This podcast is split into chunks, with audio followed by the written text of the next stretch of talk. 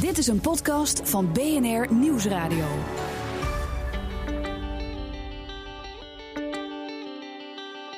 De chemie verbruikt eigenlijk heel erg veel energie. Als je kijkt ten opzichte van alle huishoudens bij elkaar, is het twee keer zoveel.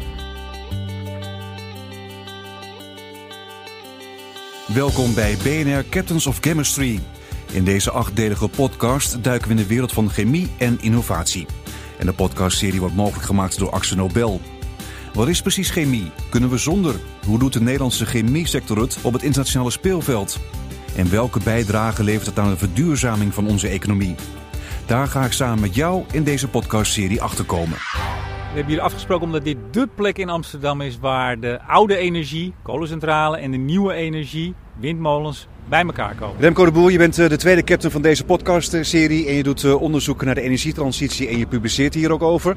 We staan hier eh, langs de A10, rechts zien we de Hemwegcentrale en we staan nu recht onder een windmolen. Wat is er zo bijzonder aan deze centrale? Ja, ik vind het wel een heel bijzondere plek. Hier zie je dus echt dat de oude energie, kolencentrale en de nieuwe windenergie, maar ook zon. We staan ook lekker in het zonnetje. Uh, die komen hier echt bij elkaar. En dit is in die zin natuurlijk wel een hele bijzondere plek. Ik ben op de fiets gekomen hier naartoe. We zitten aan de haven, aan de Amsterdamse haven.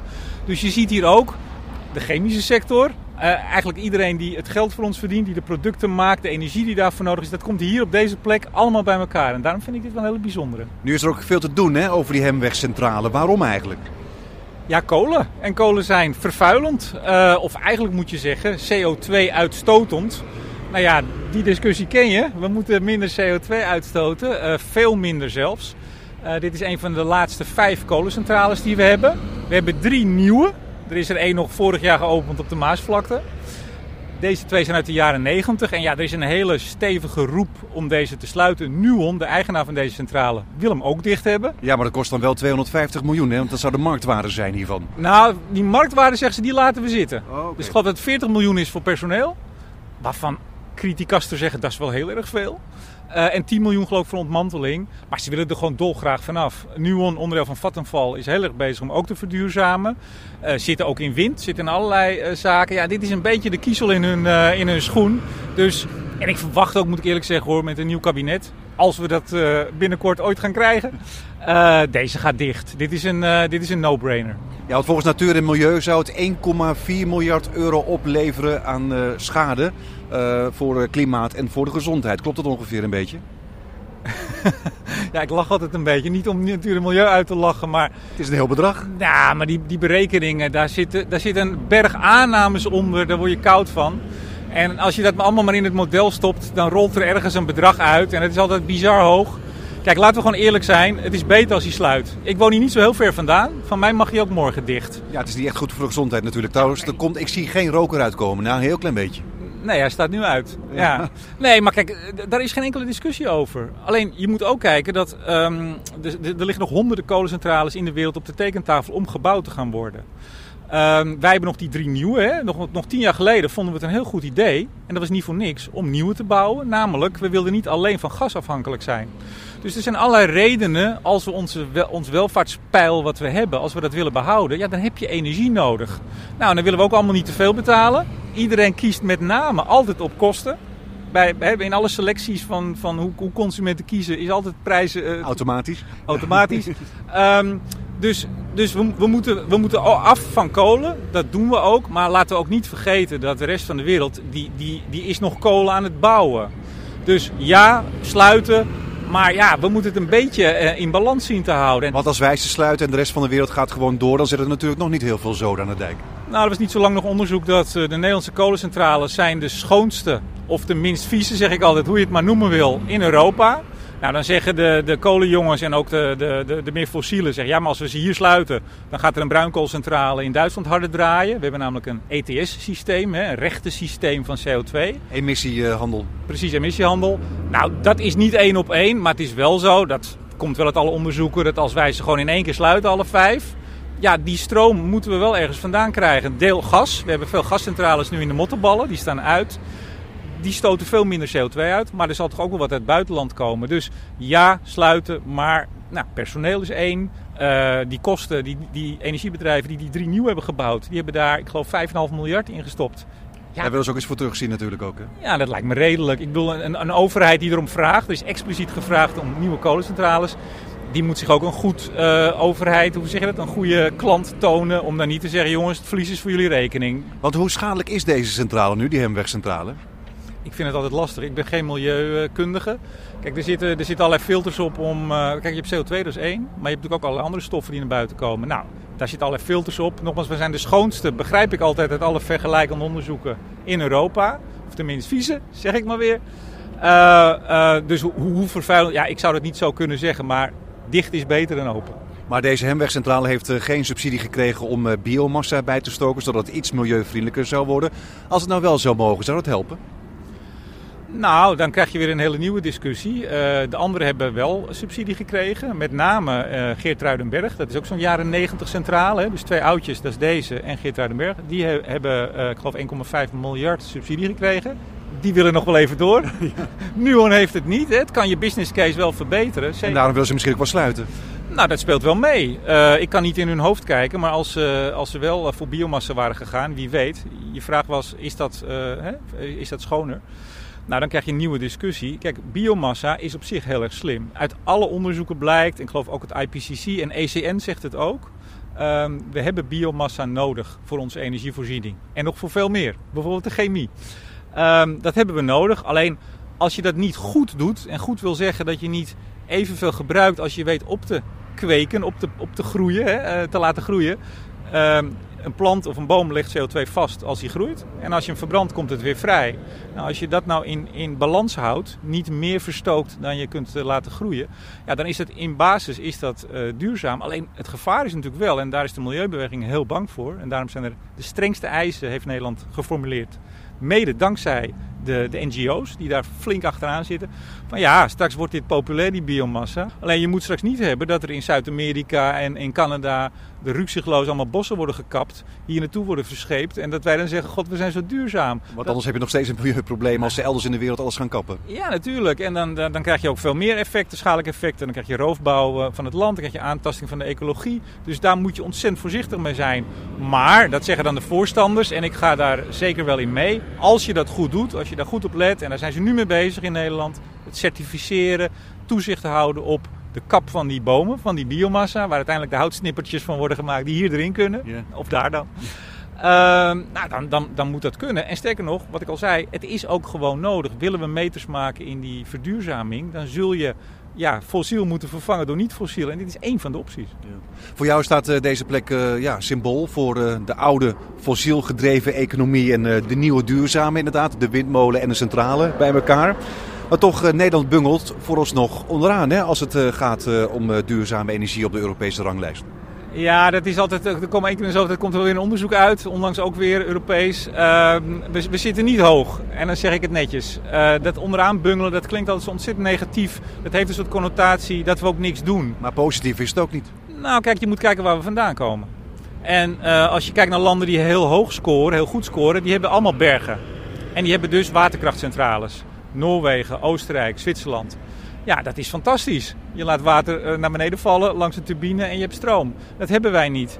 Wij hebben verder heel weinig, we hebben ook weinig uh, stroom, uh, stromend water, hè, hardstromend water, getijdenenergie, we hebben weinig kustlijn. Wij hebben heel erg weinig mogelijkheden. En wat we hebben, daar zetten we nu volop in, en dat gaat heel erg goed, is wind op zee. Wind op land, daar is veel kritiek op.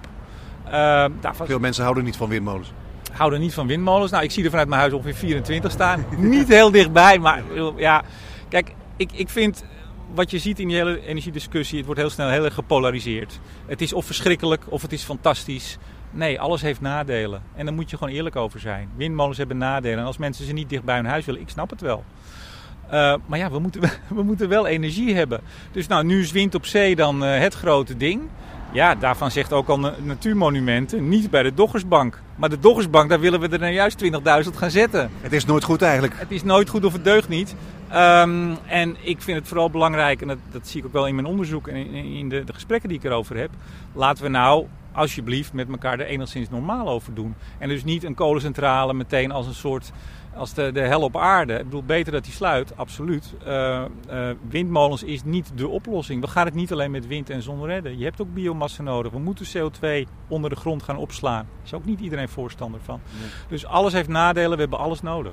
De industrie is een van de grootste vervuilers. Hoe groot is het aandeel van de industrie eigenlijk? Nou, kijk, de, de, de, industrie gebruikt wel heel erg veel energie. Ik heb nog even nagekeken. Uh, en als je dan de chemie, dat is, die pakt de bulk van wat de industrie dan uh, uh, gebruikt. Die zit op ongeveer 33% van de energie die we in Nederland gebruiken. Dat is, alleen dat is wel heel veel, hè? Dat is ontzettend veel. Waarom is dat zoveel? Nou, die gebruiken met name olie als grondstof. Dus energetisch, hè, om hun energie te gebruiken, daar hebben ze redelijk wat voor nodig. Gas, olie. Uh, maar met name olie om producten te maken. Ik bedoel, bijna alles wat we, wat we zien, dat zegt de chemische sector natuurlijk ook altijd. Hè? Chemie is overal. Nou, dat is ook zo.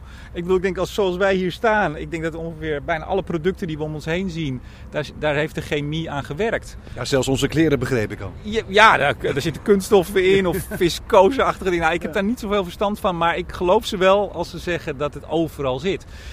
En ja, we willen allemaal niet alleen goedkope stroom, maar we willen ook goedkope kleding. En we willen, we willen goedkope telefoons en werk veel. Ja, dat moet iemand maken. Nou, dat doen zij. En daar gaat heel veel uh, fossiele brandstoffen gaan erin zitten. Of grondstoffen moet ik zeggen. De chemiesector weet het natuurlijk zelf ook. Nobel, DSM, Google en Philips die werken al uh, samen. Ze hebben langdurige contracten afgesloten voor groene stroom. Zou de chemiesector ooit helemaal volledig op duurzame stroom kunnen draaien? Dat vind ik al lastig hoor. Dat, kijk, zij hebben natuurlijk veel meer nodig dan alleen stroom. Hè? Zij hebben gewoon vooral hoge temperaturen nodig. Uh, zij moeten allerlei processen uh, aan de gang krijgen waar je met stroom niet komt. Daarom zullen zij nog heel lang fossiel nodig hebben. Um, dat, dat zie je ook wel. Dat, ja, biomassa is dan een optie. Hè? Dat ze in plaats van, uh, van gas verstoken biomassa. Ja, of het ooit helemaal kan, als, als ik kijk wat hun, hun ambitie is, dan willen ze in 2030 40% CO2-reductie. En in dat jaar ook 15% van de grondstoffen niet fossiel.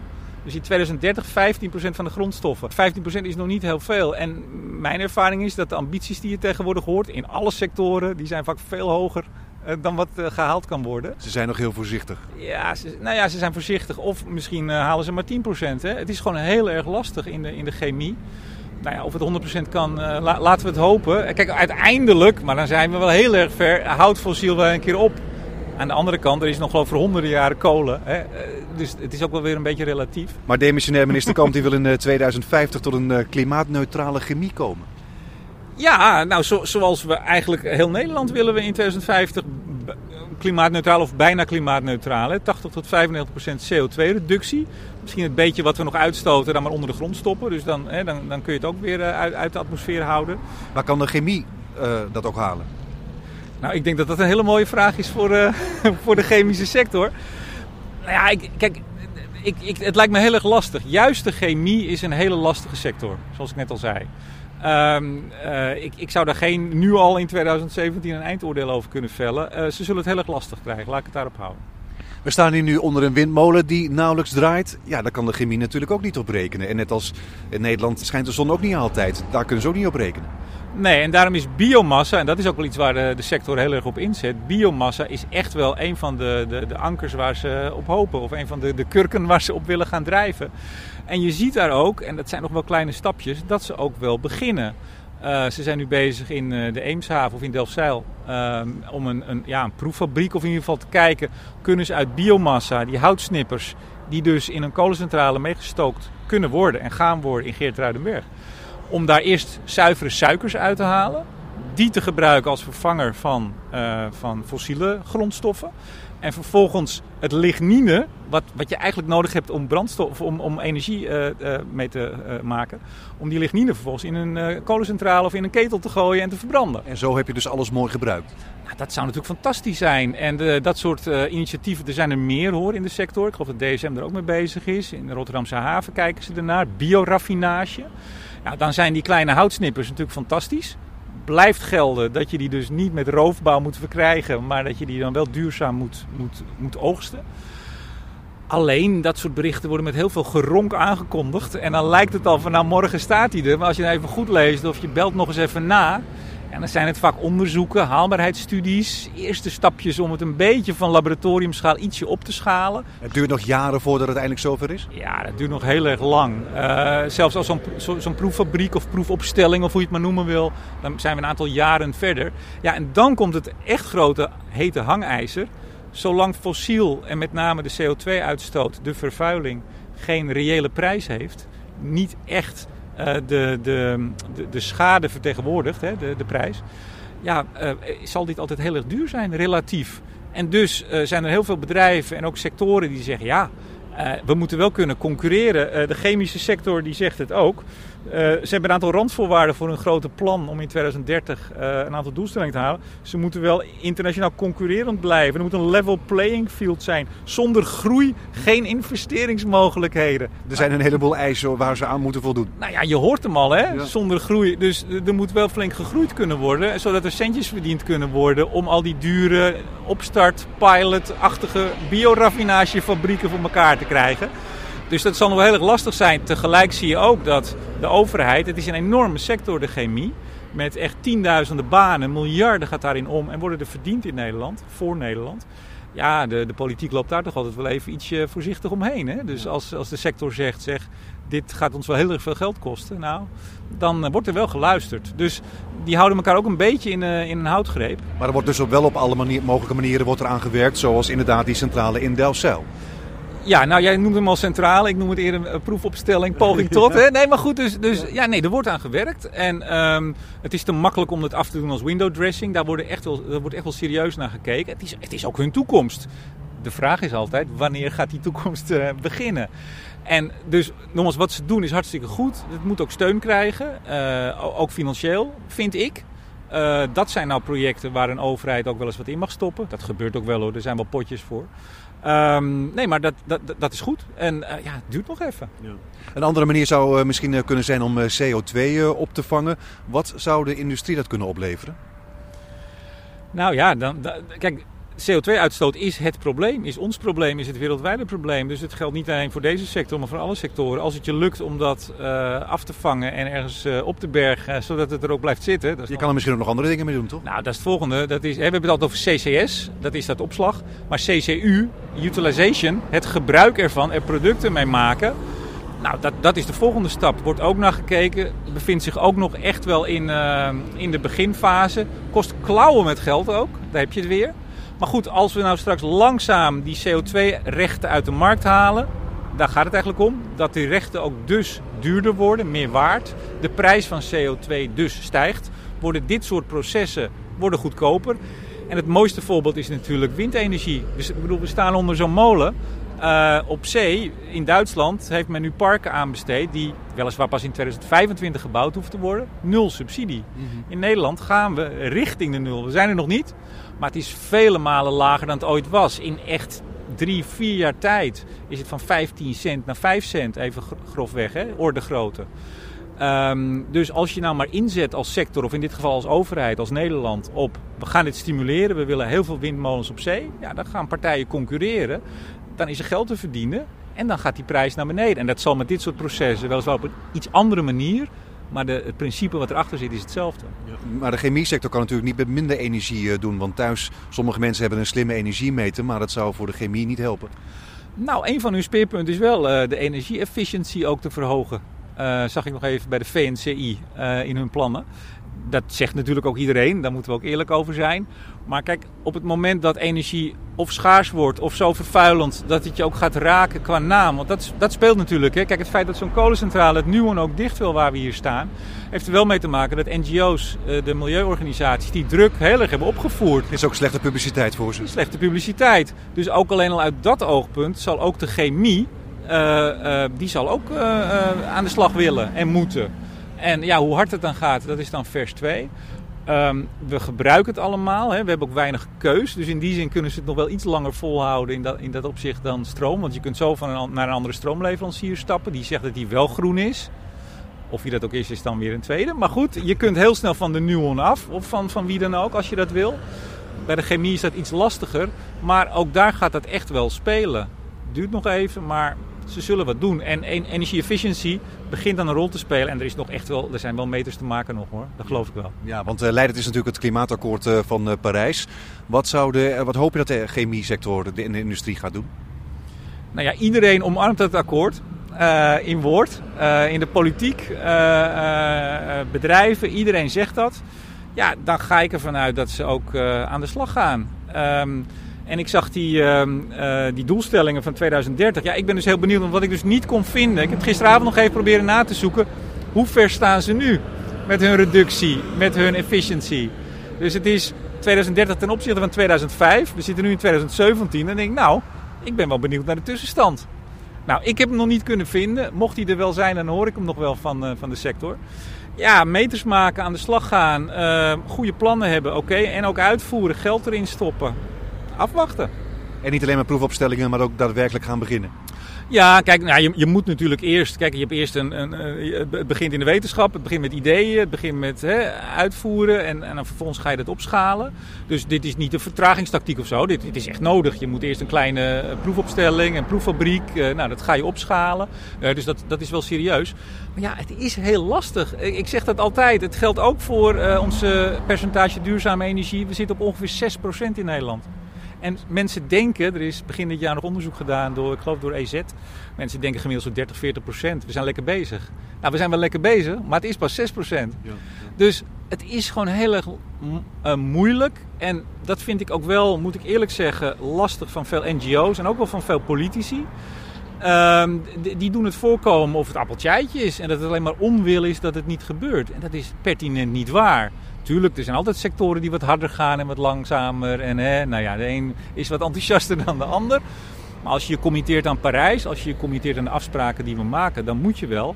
Alleen wees ook reëel en geef partijen, geef de chemie, geef andere sectoren ook wel de kans en help ze ook om, om het voor elkaar te krijgen. En dan is het te makkelijk om te zeggen, ach het geld klotst daar tegen de plint en dat lukt allemaal wel. Het gaat ook over regelgeving. Je moet hele nieuwe processen beginnen. Je moet, nou, dat is razend complex. Nou ja, uh, ze gaan aan de slag en uh, ik, ik hoor de tussenstand graag. Maar juist omdat de chemie zoveel vervuilt, 33 procent, zou het een flinke slok op de borrel schelen als het daar lukt. Ja, die 33 procent is eigenlijk het, het, hoeveelheid uh, fossiele energie die ze gebruiken.